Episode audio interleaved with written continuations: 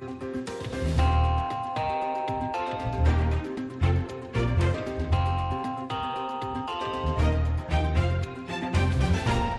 Koronavirová epidemie v Moravskosleském kraji se dramaticky a rychle zhoršuje. V Ostravě včera skóre systému PES vystoupalo na 94 bodů. Epidemie navíc region silně trápí už mnoho týdnů a měsíců. Co za špatnou situaci stojí? Jaká opatření by ji mohla zlepšit? A jak nápor nemocných zvládají zdravotnická zařízení v kraji? Vítám vás u dnešního rozhovoru k věci. A mým dnešním hostem je nadálku hejtman Moravskosleského kraje Ivo Vondrák z Hnutí Ano. Dobrý den, pane hejtmane. Dobrý den přeji. Pane hejtmane, první otázka je na snadě. Jak špatná podle vás, podle vašeho úsudku, dlouhodobého sledování a tak dále, je situace v Moravskosleském kraji? Eh, tak ta eh, situace se zhoršila nicméně já musím k tomu dodat, že mě nikterak nepřekvapila. Jinými slovy řečeno, něco takového jsme čekali, protože přeci jen ten nárůst eh, nakažených a především procento pozitivních v testech svědčili o tom, že těch nakažených v té populaci je více. No a v poslední době, když se rozjeli vlastně plošné testy, antigenní testy, tak samozřejmě se ty věci odhalily v celé nahotě. Eh, myslím si, že zcela určitě do jisté míry je tady jaksi patrná i to, co bych nazval únava z pandemie. Eh, to zná stále méně a méně lidí je ochotných respektovat ta nařízení, takže dle mého názoru to, co se stalo, není nic neočekávaného. Bohužel eh, to opět řekněme dopadne na ty, kteří už toho mají za těch deset měsíců plné zuby, to jsou naši zdravotníci. Nicméně eh, já pevně věřím, že to světlo na konci tunelu v podobě vakcinace je skutečně v daný okamžik jediným možným řešením, jak celou situaci zastavit a teďka nejenom v našem kraji, ale celkově. Pane hejtmane, když s dovolením o té aktuální situace malinko na chvíli odvedu řeč jinam, my se k tomu samozřejmě vrátíme a to ve velkém detailu. Dovolila bych se vás zeptat na to, jak se díváte na v podstatě dnešní zásadní novinku a to definitivně schválenou zásadní změnu daní, která prošla poslaneckou sněmovnou? Připomínám, že poslanecká sněmovna odsouhlasila senátní verzi změny daní. Eh, lidem eh, daně poměrně významně od ledna klesnou. Pane hejtmane, vy jste dnes ve sněmovně nebyl, vy jste dnes nehlasoval v rámci toho rozdělení úkolů jednotlivých poslanců. Souhlasíte s tou daňovou změnou? Uh, ono, ta odpověď nelze úplně postavit, nelze ji postavit binárně, ano, ne. Eh, já samozřejmě jsem zastáncem nízkých daní. O tom není sporu, protože si myslím, že to je nejlepší cesta nechat lidi rozhodovat o tom, jak své peníze budou používat. Eh, bohužel eh, přichází ten daňový balíček v době, kdy tedy skutečně máme velké ekonomické problémy. Rozumím tvrzení, že potřebujeme nastartovat ekonomiku, ale to je zatím jenom předpoklad. Eh, musíme věřit, že ten předpoklad se naplní a on se naplní pouze tehdy, pokud skutečně dokážeme během několika příštích měsíců tu epidemii zastavit. Protože pokud tak neučiníme, tak samozřejmě lidé nebudou mít kde ty peníze utrácet. A to je ten základní problém eh, tohoto, co bychom nazvali tím daňovým balíčkem. Takže eh, kdyby odpovědět na to jednoznačně úplně nelze. Já, kdybych o tom rozhodoval, nebo respektive kdyby byl ten, kdo to navrhuje, protože samozřejmě to rozhodování už potom je nějakým způsobem dáno, řekněme, tou dohodou v politických klubech, tak bych samozřejmě ještě s tím daňovým balíčkem počkal, to zná se zrušením superhrubé mzdy, protože si myslím, že stát bude ty finanční prostředky potřebovat. Nicméně na druhou stranu je tam něco, co jsme chtěli jako kraje, jsou tam jakési kompenzace v podobě navýšení RUD, to znamená rozpočtového určení daní. Takže z tohoto pohledu eh, to nevidím jako něco, co by nemělo výsledek, ale musíme si počkat na to, zdali ta ekonomika se skutečně nastartuje a rozjede. To je vlastně nutný předpoklad toho, že ten daňový balíček má smysl. Pane Hejtmane, říkáte, že eh, ta otázka nemá jednoznačnou odpověď, ale kdybyste byl ten zákonodárce, co si vytahl kratší sirku a dnes eh, v poslanecké sněmovně musel sedět a zvedat ruku pro nebo proti, což je ta binární jednoduchá odpověď, jak byste hlasoval? Potom, co proběhly ty diskuze a jak proběhla diskuze i v Senátu, tak bych hlasoval dneska pro ten daňový balíček s tím rizikem, že v podstatě máme skutečně před sebou otevřenou otázku, zdali zabere to, že lidé budou mít peníze a budou je utrácet. Ale hlasoval bych dneska pro. A mimochodem, jaké na ten daňový balíček jsou reakce u vás v regionu? Protože přece jenom Moravskosleský region je region s průměrně nižšími mzdami, než je třeba Praha, odkud zrovna my vysíláme. Eh, je veřejně známo, nebo je obecná pravda, že na daňovém balíčku vydělají zejména ti vysokopříjmoví, respektive vydělají nejvíc, pochopitelně, ono to je procentuální. Eh, ale jak je ten balíček přijímán právě ve vašem okolí? Nemají lidé pocit, že ti s nižšími příjmy měli vydělat na daňových změnách více?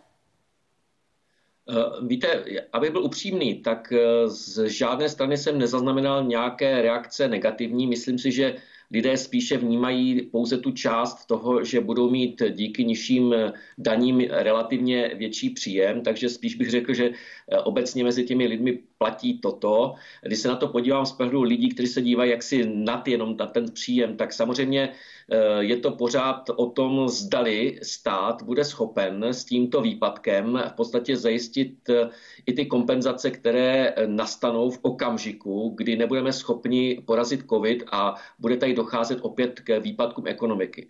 Na druhou stranu je třeba říct, že ten, ta pozitivní bilance celková hospodaření kraje nebude, nebude negativní, bude pozitivní. Ono přece jen došlo k tomu, že jsou firmy, které naopak prosperují, je to především průmysl, výroba, čili jinými slovy řečeno, ono na to skutečně hledat jednoznačnou odpověď není úplně triviální. Já nejsem makroekonom, ale prostě vnímám to, že prostě má to, může to mít ten potenciál prostě na startování ekonomiky a můj osobní názor je, protože se mě na to často lidé ptají, kdy se to srovná s jinými ekonomickými krizemi, tak já si myslím, že tato ekonomická krize má přece jenom jiné příčiny.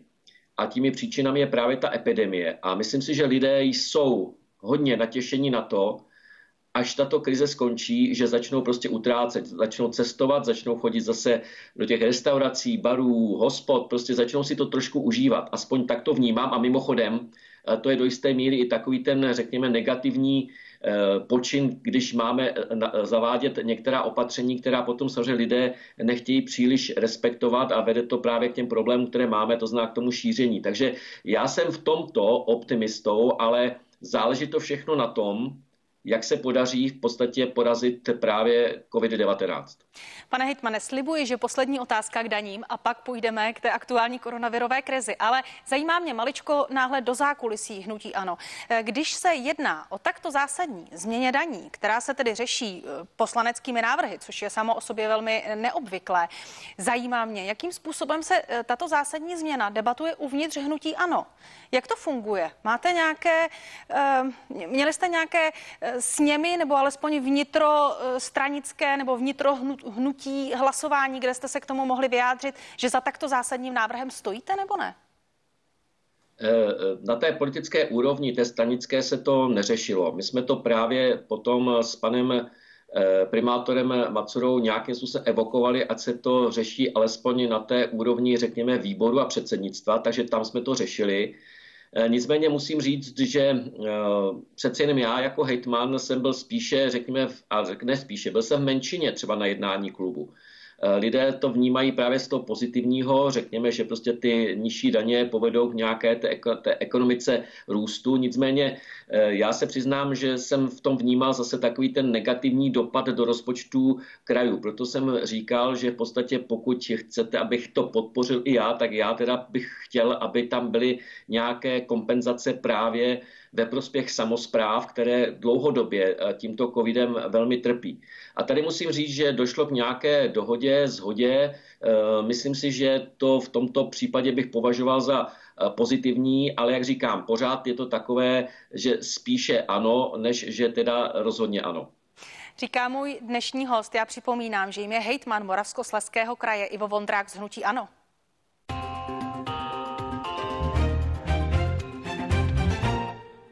Pane Hitmane, a teď se vracíme k tomu tématu koronaviru, které je samozřejmě tématem zásadní pro váš kraj.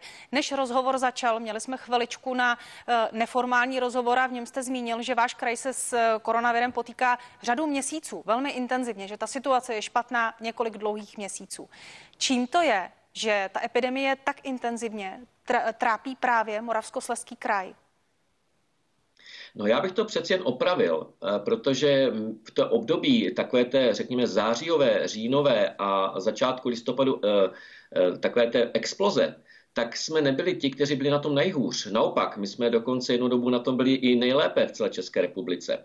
Jinými slovy řečeno, právě díky tomu, že jsme tady měli problémy s naším OKD, které samozřejmě vedlo k tomu, že tady byla jakási mezivlna, kterou, která potkala Moravskoslezský kraj, tak jsme tady dlouho drželi poměrně přísná opatření a díky tomu jsme právě ten náběh té druhé vlny zažívali spíš v tom pozitivní. Eh, to bych skutečně chtěl zdůraznit. Ale to je možná i právě takové to riziko toho, proč teďka jsme zase v situaci, kdy jsme zase nejhorší. Já mám takovou trošku obavu, je to prosím jenom moje hypotéza, není to ničím eh, podložené, možná by to právě chtěl namotivovat některé lidi, aby se tomu věnovali. Já mám právě obavu, že v okamžiku, kdy v tom místě, v tom regionu eh, ta situace je relativně lepší než u těch ostatních, tak lidé to začnou lehce brát na lehčí váhu. Jinými slovy řečeno, mají ten pocit, že tady je bezpečněji a nevnímají eh, nutnost dodržování těch opatření tak, jak by možná měli. Je to taková prostě moje hypotéza, proč v daný okamžik došlo k takovému rychlému nárůstu v našem kraji, protože lidé po těch měsících se těšili na to, že se někde potkají v těch hospodách a bohužel se to v tomto projevilo. A druhá věc, která si myslím, že je velmi důležitá a je třeba ji tady zdůraznit, má to i svoje objektivní důvody a jeden z nich je ten, že my tady v tomto kraji testujeme téměř vůbec nejvíce. Eh, z těch testů za včerejšek jsme měli čtvrtinu v našem Moravskoslezském kraji a platí jednoznačně, že čím více těch testů uděláte, tím tam máte více těch pozitivních záchytů.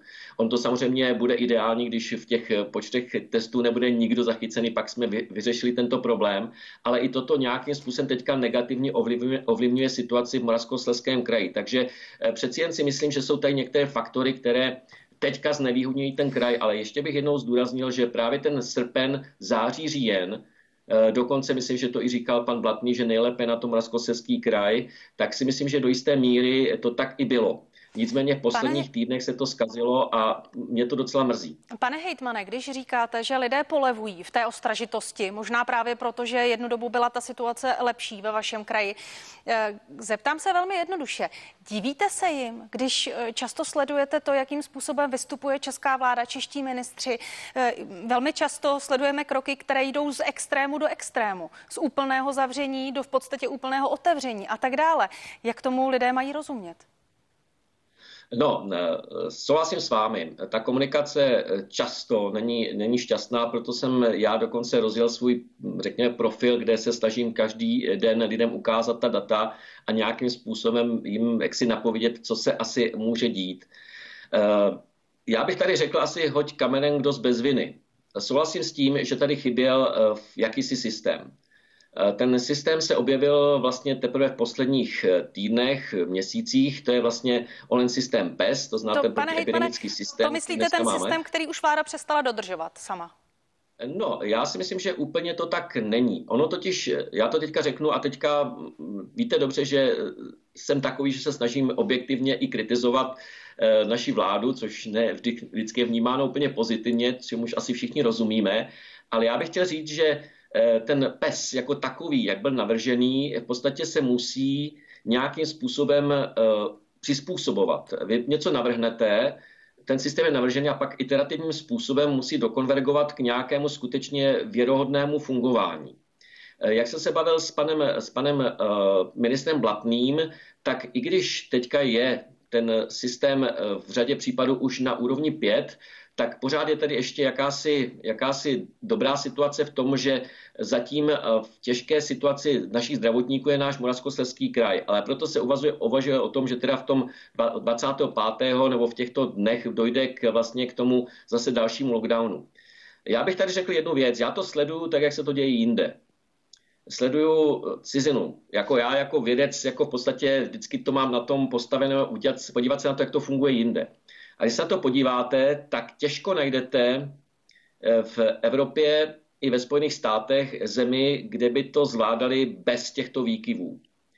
A myslím si, že to je eh, zodpověditelné jediným možným způsobem. My totiž nevíme. My pořádně nevíme, jak s tím nakládat. Myslím, že to řekl jasně docent Konvalinka, eh, který z Karlovy univerzity, který řekl, prostě je třeba si přiznat, že v daný okamžik nevím. Já jsem to několikrát psal i na ten svůj Facebook. Je to jakýsi singulární bod. To znamená bod, kdy prostě nevíte, kudy se to ubere a prostě ty zákonitosti nefungují. A nefungují ne proto, že tam e, jsou dány biologické zákony, ale protože se chovají lidé často velmi nepredikovatelným způsobem ty sociální Pane vazby, Hejtmane. které jsou v podstatě nosičem. Ano, povídejte. Pardon, že vám vstupuji do řeči, ale že skutečně... vazby se špatně podpisují. Skutečně se svojí plnou akademickou vážností byste řekl, že česká vláda postupuje stejně systematicky jako ostatní země v okolí. Vy nevidíte ten uh, mnohdy velmi častý chaos v tom rozhodování, uh. měnění názorů, nedodržování pravidel, která si sama vláda stanoví a tak dále? Jako akademik řeknu ano. Máte pravdu, ale teďka, když budu mluvit jako politik a řeknu, co jsem si prožil i já, tak jsem byl terčem neuvěřitelných útoků na téma, kdy už konečně sundáme ty roušky, kdy už to konečně zařídíte, pane hejtmane, my už odmítáme tady chodit v rouškách, my se tady v nich dusíme a podobně. A pak nastává ten okamžik přesně opačný, kdy říkáme, pane hejtmane, proč to nezavřete, proč nezavřete OKD. Jinými slovy řečeno, Eh, tady totiž proti sobě jdou dvě základní věci. A teďka budu mluvit o té odborné části, možná i té vědecké části. To je vlastně, řekněme, ta znalost toho, jak se tento koronavirus šíří, ale z druhé strany je tady veřejné mínění. Víte, já jsem to už několikrát řekl, já jsem tady zažíval, no viděli jsme všichni eh, celou řadu tiskových konferencí renomovaných profesorů, eh, kteří tu situaci poměrně výrazně zlehčovali. A já se, když se mě nedávno ptali, jaké považuji nejhorší heslo, které zaznělo v posledních deseti měsících, tak je to, je to jenom chřipka nebo je to jenom chřipečka dokonce.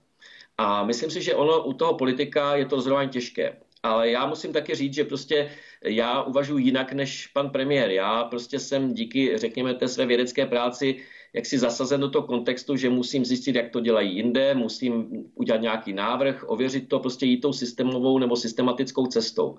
Eh, myslím si, že v případě vlády, dle mého názoru, se podléhalo právě tomu veřejnému mínění a to bylo ke škodě věci. Takže z tohoto pohledu proto říkám na začátku to ano. Říká můj dnešní host, ještě jednou připomínám, že jim je hejtman Moravskosleského kraje Ivo Vondrák. Pane Hejtmane, vy jste zmínil, že cestou z té špatné situace, z té krize je očkování, což je věc, ke které se upíná své naděje celý svět. Eh, evropské orgány eh, odsouhlasily první očkovací látku od společnosti Pfizer. Eh, kolik vakcín dostane Moravskosleský kraj v nejbližších dnech? No, pokud vím, tak bychom měli v těch nejbližších dnech dostat asi dvakrát 900, 9 pardon, 975 do konce, do konce Eh, prosince a pak by tam mělo být asi řádově do konce ledna celkově 15 tisíc dávek. Tak to vypadá asi v daný okamžik. Jak jste spokojen s takovým množstvím dodané očkovací látky? Není to málo? No, no samozřejmě eh, otázka zní a já si myslím, že do jisté míry Eh, se ukáže, jak je schopen ten systém to množství těch očkovacích látek vstřebat, ukáže se to na tom, čili já si myslím, že důležité teďka není, jestli do konce ledna budeme mít těch 15 tisíc dávek, teďka jde o to, abychom skutečně v těch dalších měsících byli schopni proočkovat vlastně celou populaci. Tady musím říct, že samozřejmě Britové jsou dál, protože ti předpokládají, že už v Dubnu budou mít eh, proočkovanou celou populaci. U nás to tak asi rychle nepůjde. Eh, nicméně domnívám se, že teďka nastává ten okamžik skutečně zajistit eh, celé, eh, celý ten systém fungování vakcinace. My už jsme si udělali vlastní subsystém, kdy jsme se rozhodli o tom, že prostě každá Každý okres musí mít minimálně jedno očkovací místo, vychází to spíš na dvě očkovací místa. Zatím neplánujeme, že bychom vytvářeli nějaké samostatné očkovací centrum, ale teďka musíme věřit, že právě díky té logistice, která nebude vůbec triviální, tato očkovací centra budou schopna v podstatě nějakým způsobem zajistit to množství těch proočkovaných. Nebude to zcela určitě nic jednoduchého. Říkáte, pane hejtmane, musíme věřit. Jak jste se cítil nebo jaký pocit vás eh, u vás převládl, když jste se před několika málo dny a týdny dozvěděl, že si vláda teprve teď zadala u společnosti Ernst Young analýzu nebo přípravu systému toho, jak máme očkovat? No, já si myslím, že to asi, nebo ne asi, bylo to pozdě. Eh, já jsem, už jsem to také psal panu ministrovi Batnému, že se jedná, tak jak se říká, a asi je to i pravda, že to je, řekněme, největší logistický projekt od eh, konce druhé světové války. A já si myslím, že prostě jako každý projekt, tak prostě je třeba k tomu udělat eh, kompletní projektovou dokumentaci, to znamená harmonogram, návoznosti, eh, jaké zdroje budeme potřebovat. A tím nemyslím jenom ty finanční, ale především ty lidské, protože je to skutečně o tom, že se to musí někde potom naočkovat, někde se to musí namíchat. Je to také o tom, že musíte definovat analýzu rizik Eh, protože my nevíme, co po té cestě se stane pro nás jako skutečně rizikovým. Může se stát, že prostě některá ze společností, která vyrábí vakcínu, prostě bude mít eh, technický problém, prostě přestane vyrábět. No pane Může Hitmane, k tomu, že pardon, a není fatální chyba ano. vlády pod vedením hnutí ANO, tedy předesílám, že právě tyhle ty dokumenty, o kterých hovoříte, všechny tyto studie, analýzy a tak dále, studie rizik a tak podobně, už dávno nemáme připravené. Vždyť na očkovací látku čekáme od března. Eh, to máte pravdu, já se přiznám, že nevím, jaké dokumenty jsou nachystány. Eh, to, no, co jsem viděl já, jsou skutečně...